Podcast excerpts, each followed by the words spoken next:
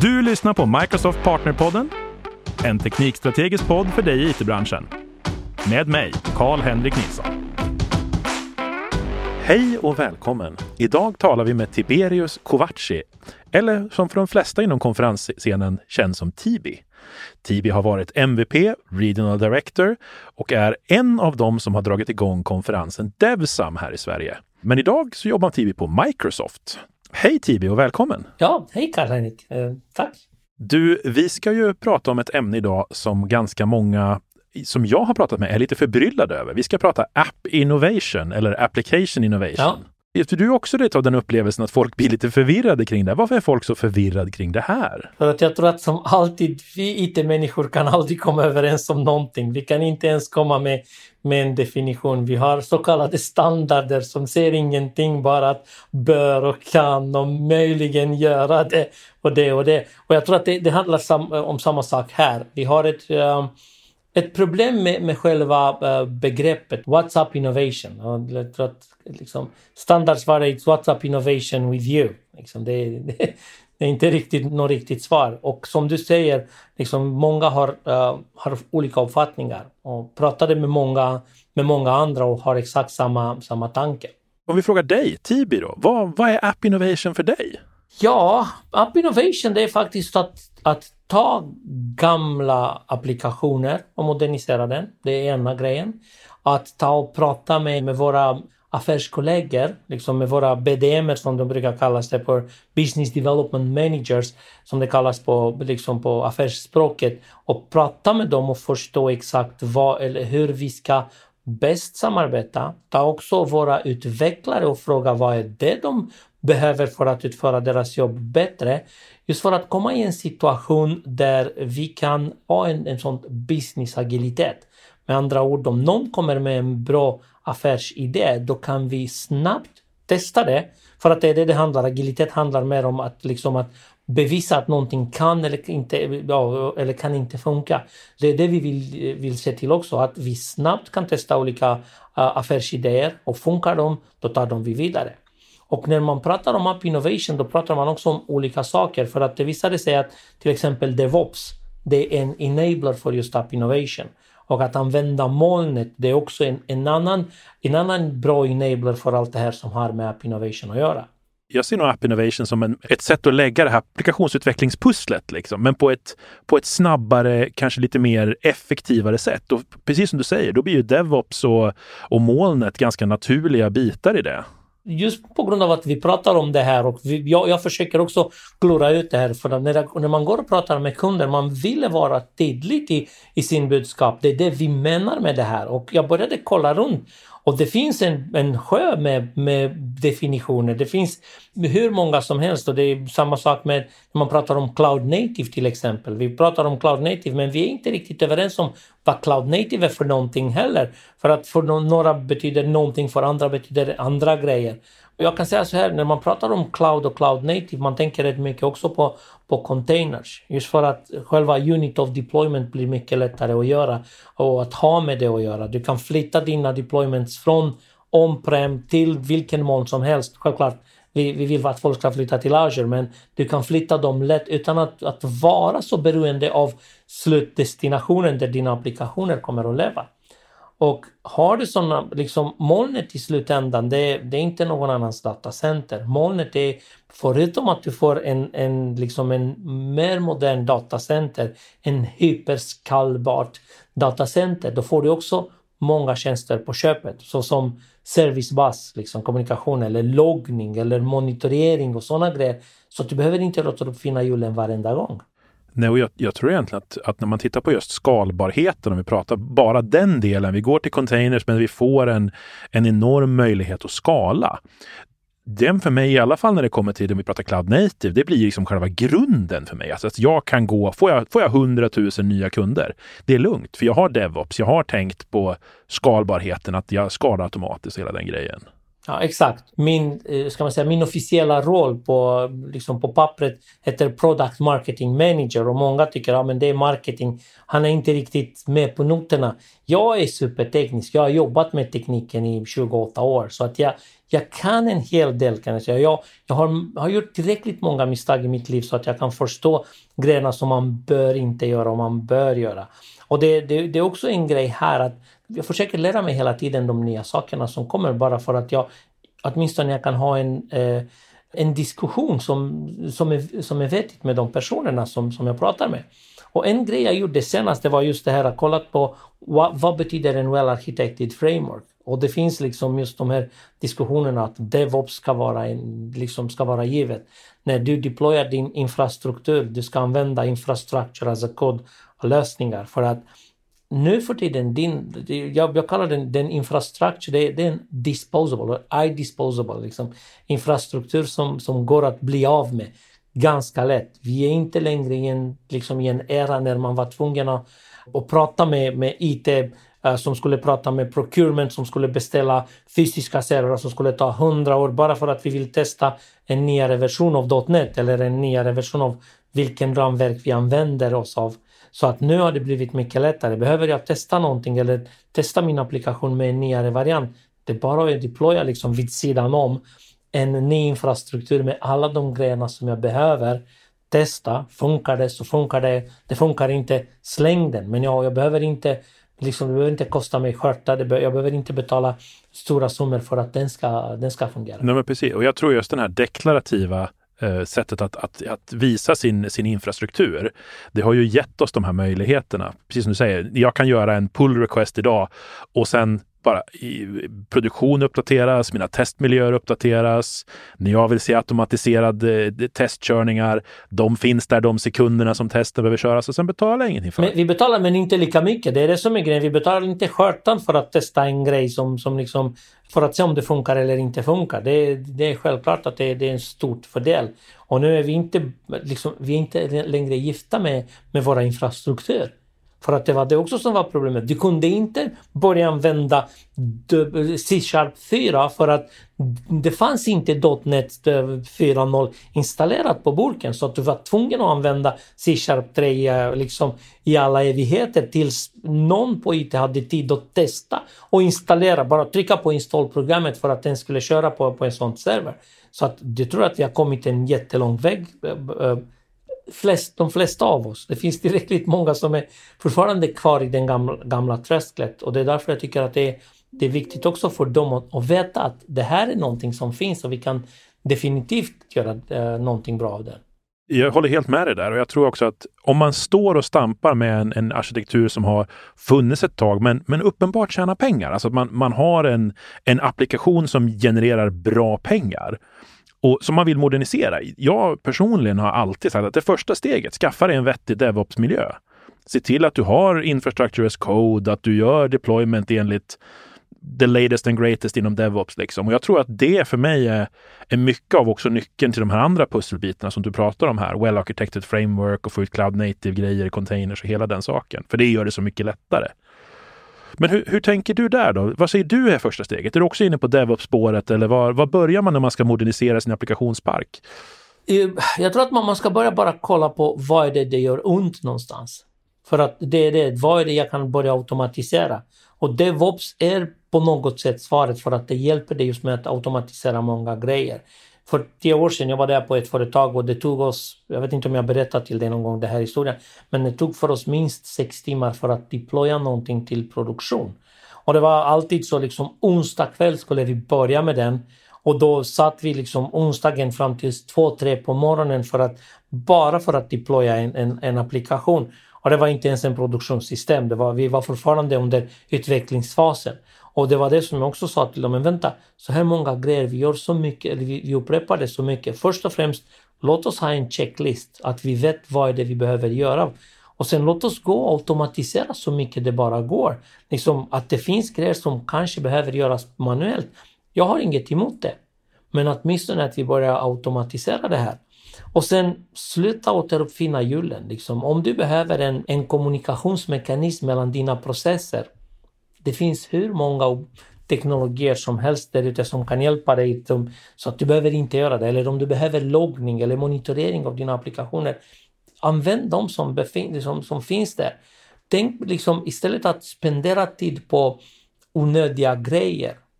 Du bör börja spendera din tid på att skapa just det här affärsvärdet. För att då tycker jag också att själva affärsfolket kommer att lyssna på oss mer. Uh, har vi en databas, det viktigaste är att vi vet att data är där. Det viktigaste är att vi vet att vi har aciditet i den. Liksom att data är liksom garanterar att det finns och att liksom transaktionerna fungerar. Att jag har en, en, en fungerande backup, att om det är något fel, den patchas. Men det gör noll i, det, det ger noll i kassan till en affärsmänniska. Uh, så att varför ska vi vara liksom så här besatta av att hantera alla grejer som vi kan låta någon annan hantera det. Självklart, Microsoft har betalt av det, men det är liksom... Jag ser, inte, jag ser inte att det är en gratis grej. Jag ser inte att det är billigare. Dock i längden det blir mycket billigare och i längden blir också liksom allt, liksom säkerhet och hållbarhet. All, allt är liksom med i den här diskussionen.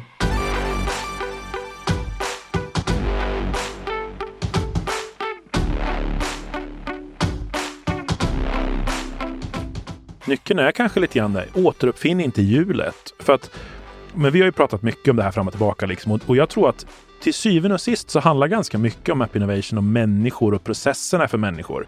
Så att istället då för att lägga ner tiden och lära dig en massa om hur man bygger AI-modeller och kodar dem i Python eller vilket språk man nu väljer, så kan man köra en kognitiv service och generera egentligen kanske inte 100 procent av det du behövde, men 95 procent av det du behövde och sen är du liksom på, på banan. Så att du kan testa, vill folk ha min feature? Är det här värt att investera i? Jag kan röra mig mycket fortare. Och jag tror att människor mår bättre av det när man ska jobba liksom i projektet. Och det är det jag tycker också lite synd om de personerna som inte gör på det sättet. För att när du är fast i den där, i den, i den där gamla träsket, när du behöver spendera sex timmar för att deploya en, en applikation någonstans och allt är så, liksom, så fragilt att det, det, det, det, det det har, du har inte tid med något annat. Du, kan inte, du har inte tid att kolla på cognitive services.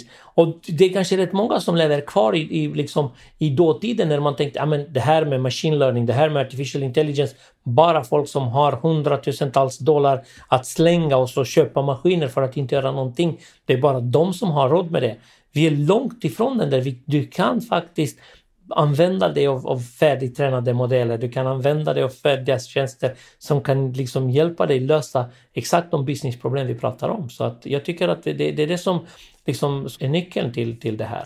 Jag, jag, jag är helt enig med dig där, liksom, att det, det är verkligen det vi måste satsa på jag tror också när, när, du kommer in på det här med just teknisk skuld, att man har så mycket saker som är fragilt, det brinner på så många ställen. Alltså allting tar bara tid och jag vet att jag, jag, brukar göra den här jämförelsen med teknisk skuld. Jag har säkert snott den från en annan talare, men jag brukar göra den här jämförelsen med teknisk skuld versus kreditskuld. att när du startar ett företag, ja men då måste man ta på sig lite skuld för att kunna köpa möbler och grejer och så betalar man av den för annars äter räntan upp och så går företaget i konkurs. Ja. Och det är lite grann på samma sak när man ska testa nya grejer tekniskt. Man tar på sig lite teknisk skuld mm. för att kunna få ut en feature och testa den. Men någonstans så måste man också liksom betala av den här tekniska skulden och komma tillbaka till liksom en modern, skön miljö som går att deploya, eller hur? Ja, definitivt. Ja, men, och det är det jag tycker också att det är, eh, som sagt, det är nyckeln. En annan grej jag tänker faktiskt när jag pratar om det här, för att för mig är det eh, rätt länge att prata till exempel om eh, low code, no code, pro, liksom som, som de kallas. Det, jag menar det är Power Platform med Power Automate och, och Power BI och alla de här grejerna det ger så mycket faktiskt, så mycket värde till ett företag. Och jag har sett, jag har en kompis som bor i Australien och han, han äger en, en, en, liksom en mjukvaruutvecklingsföretag. Alla anställda, eller förutom kanske uh, liksom marketing och sales och sånt, men det, det är bara .NET-utvecklare i hans företag. Och de har kommit in på, liksom på det här med, eh, med Power Platform. Och de är så, så sålda på den och det är liksom applikationer som de har börjat skapa med den för att jag tror personligen att det, det som de ger oss, det är exakt den här the last mile. Som utvecklare, vi är bra på att implementera vissa algoritmer, då är vi bra på att göra vissa saker. Men det finns rätt många rätt många saker som en affärsmänniska kan testa bättre än vi gör. Olika förutsättningar han kan testa och om vi ger dem alla pusselbitar så att de kan bygga ihop som de tror att det ska funka utan att de behöver gå igenom en change request varenda gång när vi behöver lägga till en semikolon på en rad där borta. Jag tror att det, liksom, det enablar själva företaget att lägga lite mer nytta på allt de gör. Jo men visst, och, och, så jobba tillsammans för att ta fram de här grejerna. För du kan ju sätta en low-code person med en pro-code person. De kan designa olika delar, man kan välja de bästa sätten att göra det på. Skriva, jag, jag pratade med två eh, representanter för vår partner CRM-konsulterna för någon vecka sedan på podden och då pratade de just om det här med att de samarbetar kring att bygga integrationer för Dynamics. En skriver moduler, kanske små, små services som man sen kan exponera via Power Platform. Och så. Det är en ganska häftig värld vi är på väg in i kring det där jag tycker att vi, vi har ignorerat ganska länge. Och ja, vi, vi lever i en sån fear-driven development typ av värld. Liksom att, nej, men vi är rädda att de kommer att ta vårt jobb. Och det är lika bra om vi inte enablar dem, om vi inte berättar för dem. Men vi kommer alltid att vara, liksom, om, om vi gör ett bra jobb som utvecklare, det är alltid någon som kommer att behöva våra tjänster. Jag är inte rädd för det. Jag är inte rädd att vi kommer att, liksom att, vi kommer att bli utan jobb bara för att vi lyssnar på de killarna som förespråkar eh, liksom low-code och no-code typ av utveckling. Nej, jag, jag, är helt enig där. Jag tror, jag tror aldrig det kommer försvinna behovet av att ha systemutvecklare. Den, den kommer att finnas där. Jag kommer inte ihåg vem det var, om det var Chris Klugg. Det var någon som, som i alla fall uttryckte sig så fint som att för att utvecklarna ska försvinna så måste användarna först lära sig att säga vad de faktiskt behöver. Bara, my job is safe, sådär. ja, exakt. Nej, men, det, det är så.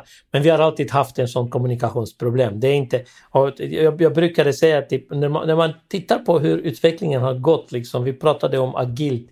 Vad är agil och vad är skram för någonting? Det är bara att få utvecklarna att prata med utvecklare. Liksom. Det är, vi, vi behövde hitta på processer för att få för att sätta folk före processer, för att få dem att kommunicera med varandra.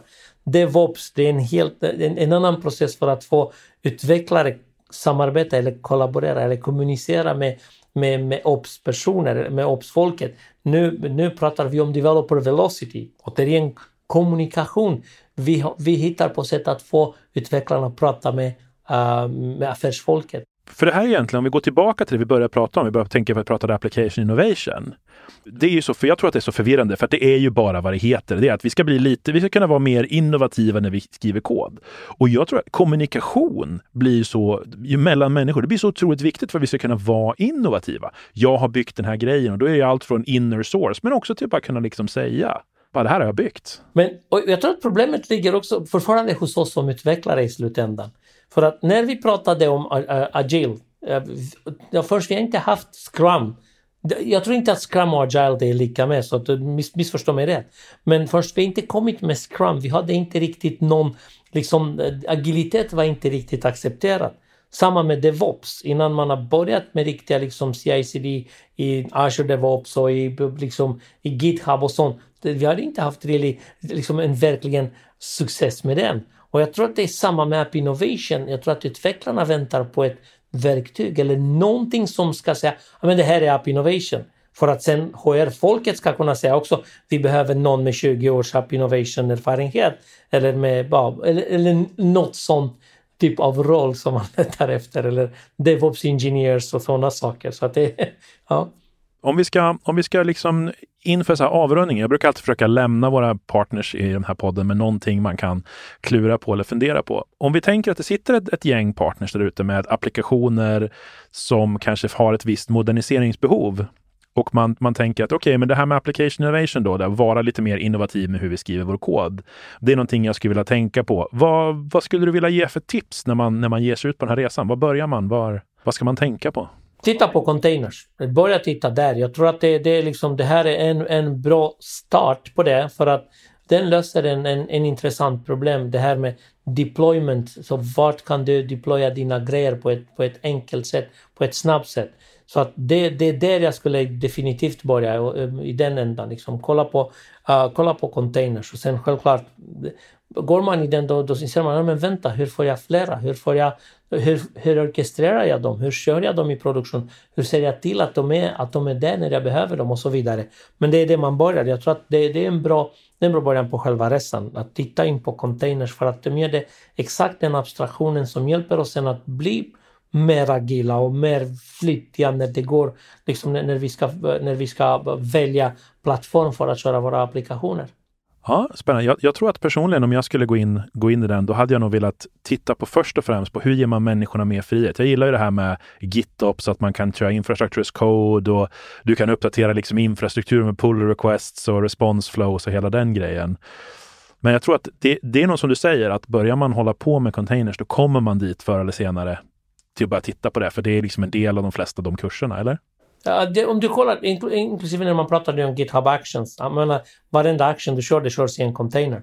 Det är inte mer än så. Och det, sen, de flesta actions som finns där uh, slutar med att generera en container eller bygga en container som du ska deploya någonstans, liksom antingen i GitHub, uh, i, i, i själva GitHub eller Azure DevOps eller ACR eller Docker Hub. Så du kommer att deploya dem liksom någonstans. Så att det ändå börjar med själva container. Så när man börjar förstå det här, jag tror att det blir också lättare att liksom att, att fatta, okej, okay, så det är det som händer bakom kulisserna också när, när de kör. Det är därför jag måste säga um, um, Image Ubuntu Latest för att jag, jag ser faktiskt att jag vill basera den på en Docker-container som är just en image baserad på, på, på senaste varianten av Ubuntu och så vidare och så vidare och så vidare. Så att det, det, finns, det finns så många grejer som hänger ihop liksom när man har väl förstått lite på, på, sig på containers så att uh, Ja, jag, jag, tror personligen att det är en bra början. Och sen så vill vi då varna alla lyssnare för att inte lyssna på Tibi när han säger att man ska använda latest-taggen på en container, för det ska man inte göra. Nej, men det är liksom det, det, det som du får per automatik när du använder en, en, en GitHub Action. Så att, eh, ja. Men det handlar bara om att de kompilerar din applikation, inte vart du deployar den. Självklart att du måste förankra den i en version. Jättestort tack för att du, du tog dig tid att vara med idag Tibi. Jag tror att vi jag hoppas vi får möjlighet att prata vid mer igen om, ja. om application innovation. Ja, ja, definitivt. Jag tror att det är ett, ett ämne som kommer att, att växa och utvecklas framöver här genom åren. Tack så hemskt mycket. Tack. Du har lyssnat på Microsoft Partnerpodden med mig, Karl-Henrik Nilsson. Som vanligt hittar du information och resurser på aka.ms partnerpodden.